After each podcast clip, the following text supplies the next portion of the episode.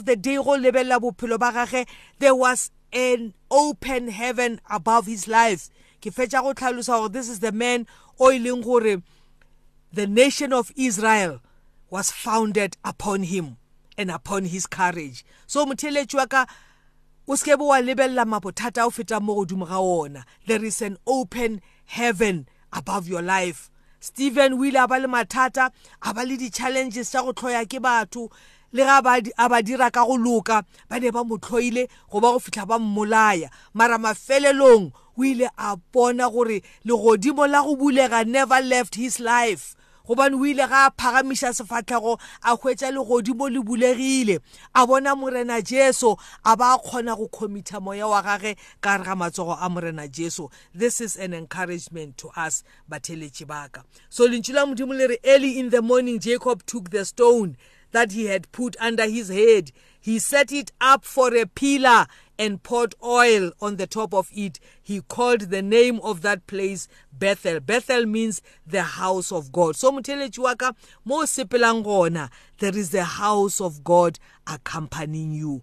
Never forget this promise.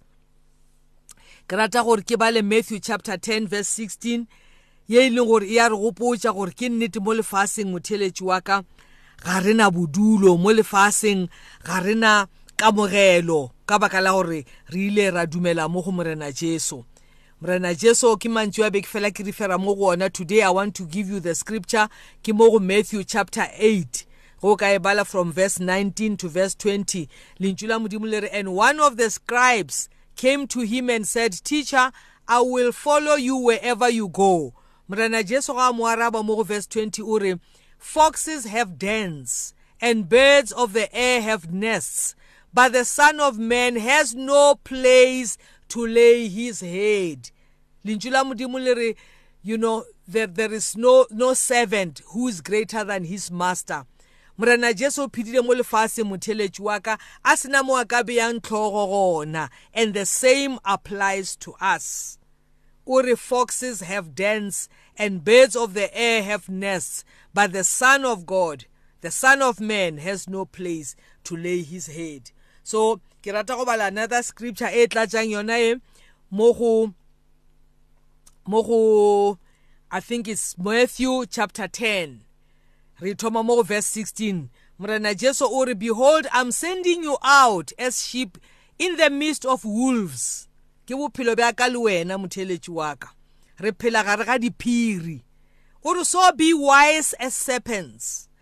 and innocent as doves beware of men for they will deliver you over to courts they will flog you in their synagogues and you will be dragged before governors and kings for my sake to bear witness before them and the gentiles When they deliver you over, do not be anxious how you are to speak or what you are to say.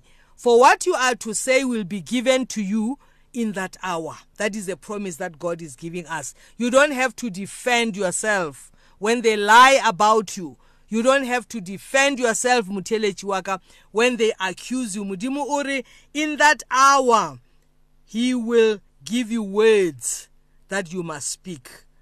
verse 20 iri for it is not for it is not you who speak but the spirit of your father speaking through you brother will deliver brother over to death and father will deliver his child and children will raise again will rise against parents and have them put to death and you will be hated by all for my name's sake but the one who endures to the end will be safe re bone ka bophelo ba Stephen he endured to the end and he was saved the Lord Jesus Christ was there with an open heaven to receive his spirit so le gore na motheletsi wa ka ge go le bothata when people are delivering us over to death lentšu la modimo le re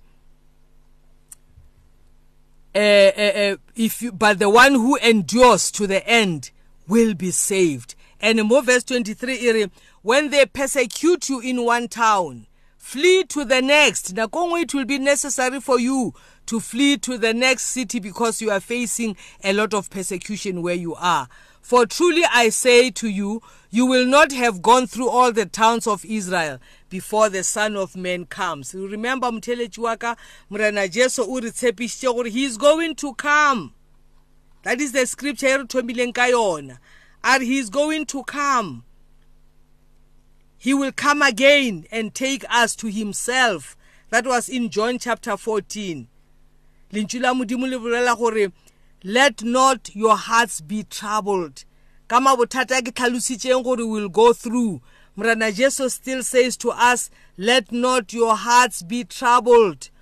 Or because in my father's house there are many mansions, there is room for you in heaven. With the life of Stephen, there was room for him in heaven. That is why he was able to commit his spirit to God in heaven and he was received. So Mrana Jesu, there is room for you in heaven. That's why Ari, I will come again and I will take you to myself. So that is a promise that we need to encourage ourselves with. Gore Morena Jesu promises gore he will come again and take us to where he is.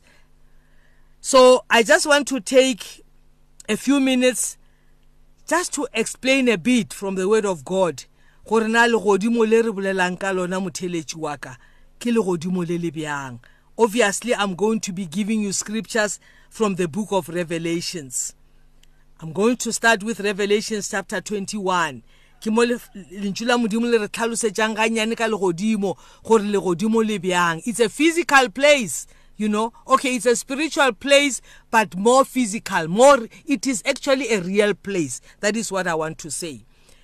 revelations chapter 21 go e bala from verse 10 lentswe la modimo le re and he he carried me away in the spirit ke mantswe a johane ge modimo a mo fa a revelation of heaven o re and he carried me away in the spirit to a mountain great and high and showed me the holy city Jerusalem coming down out of heaven from God it shone with the glory of God and its brilliance was like that of a very precious jewel like a jasper clear as crystal it had a great high wall with 12 gates so motheletši wa ka it's very important gore o be le an understanding of how heaven looks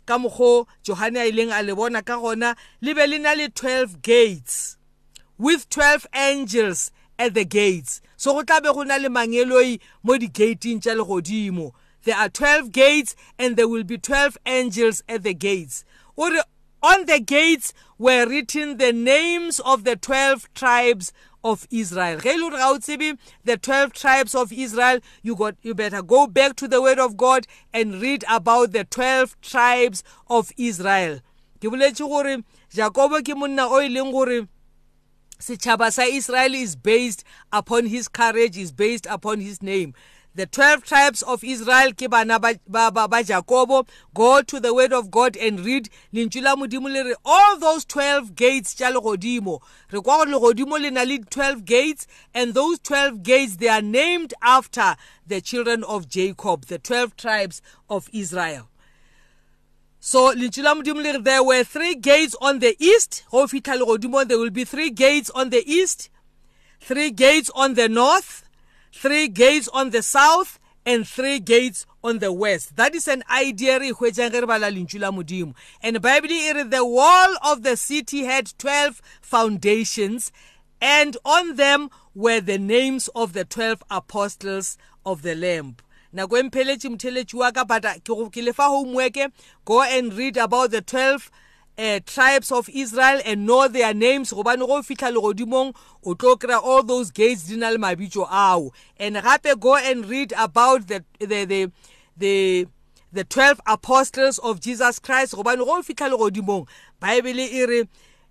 eh, the wall of the city have has 12 foundations and those 12 foundations they are named after the 12 disciples of the Lord Jesus Christ. This is getting very interesting but it's beautiful.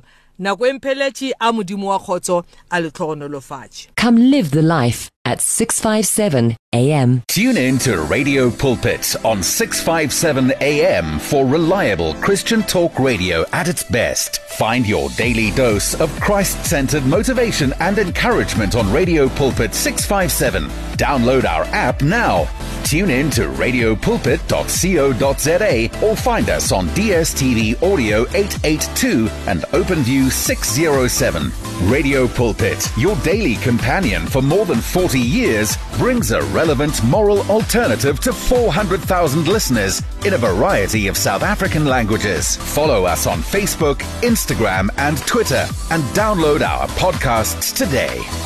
Radio Pulpit understands that praying alone isn't always easy. So, join us to form a chain of prayer for you and with you. To do so, send in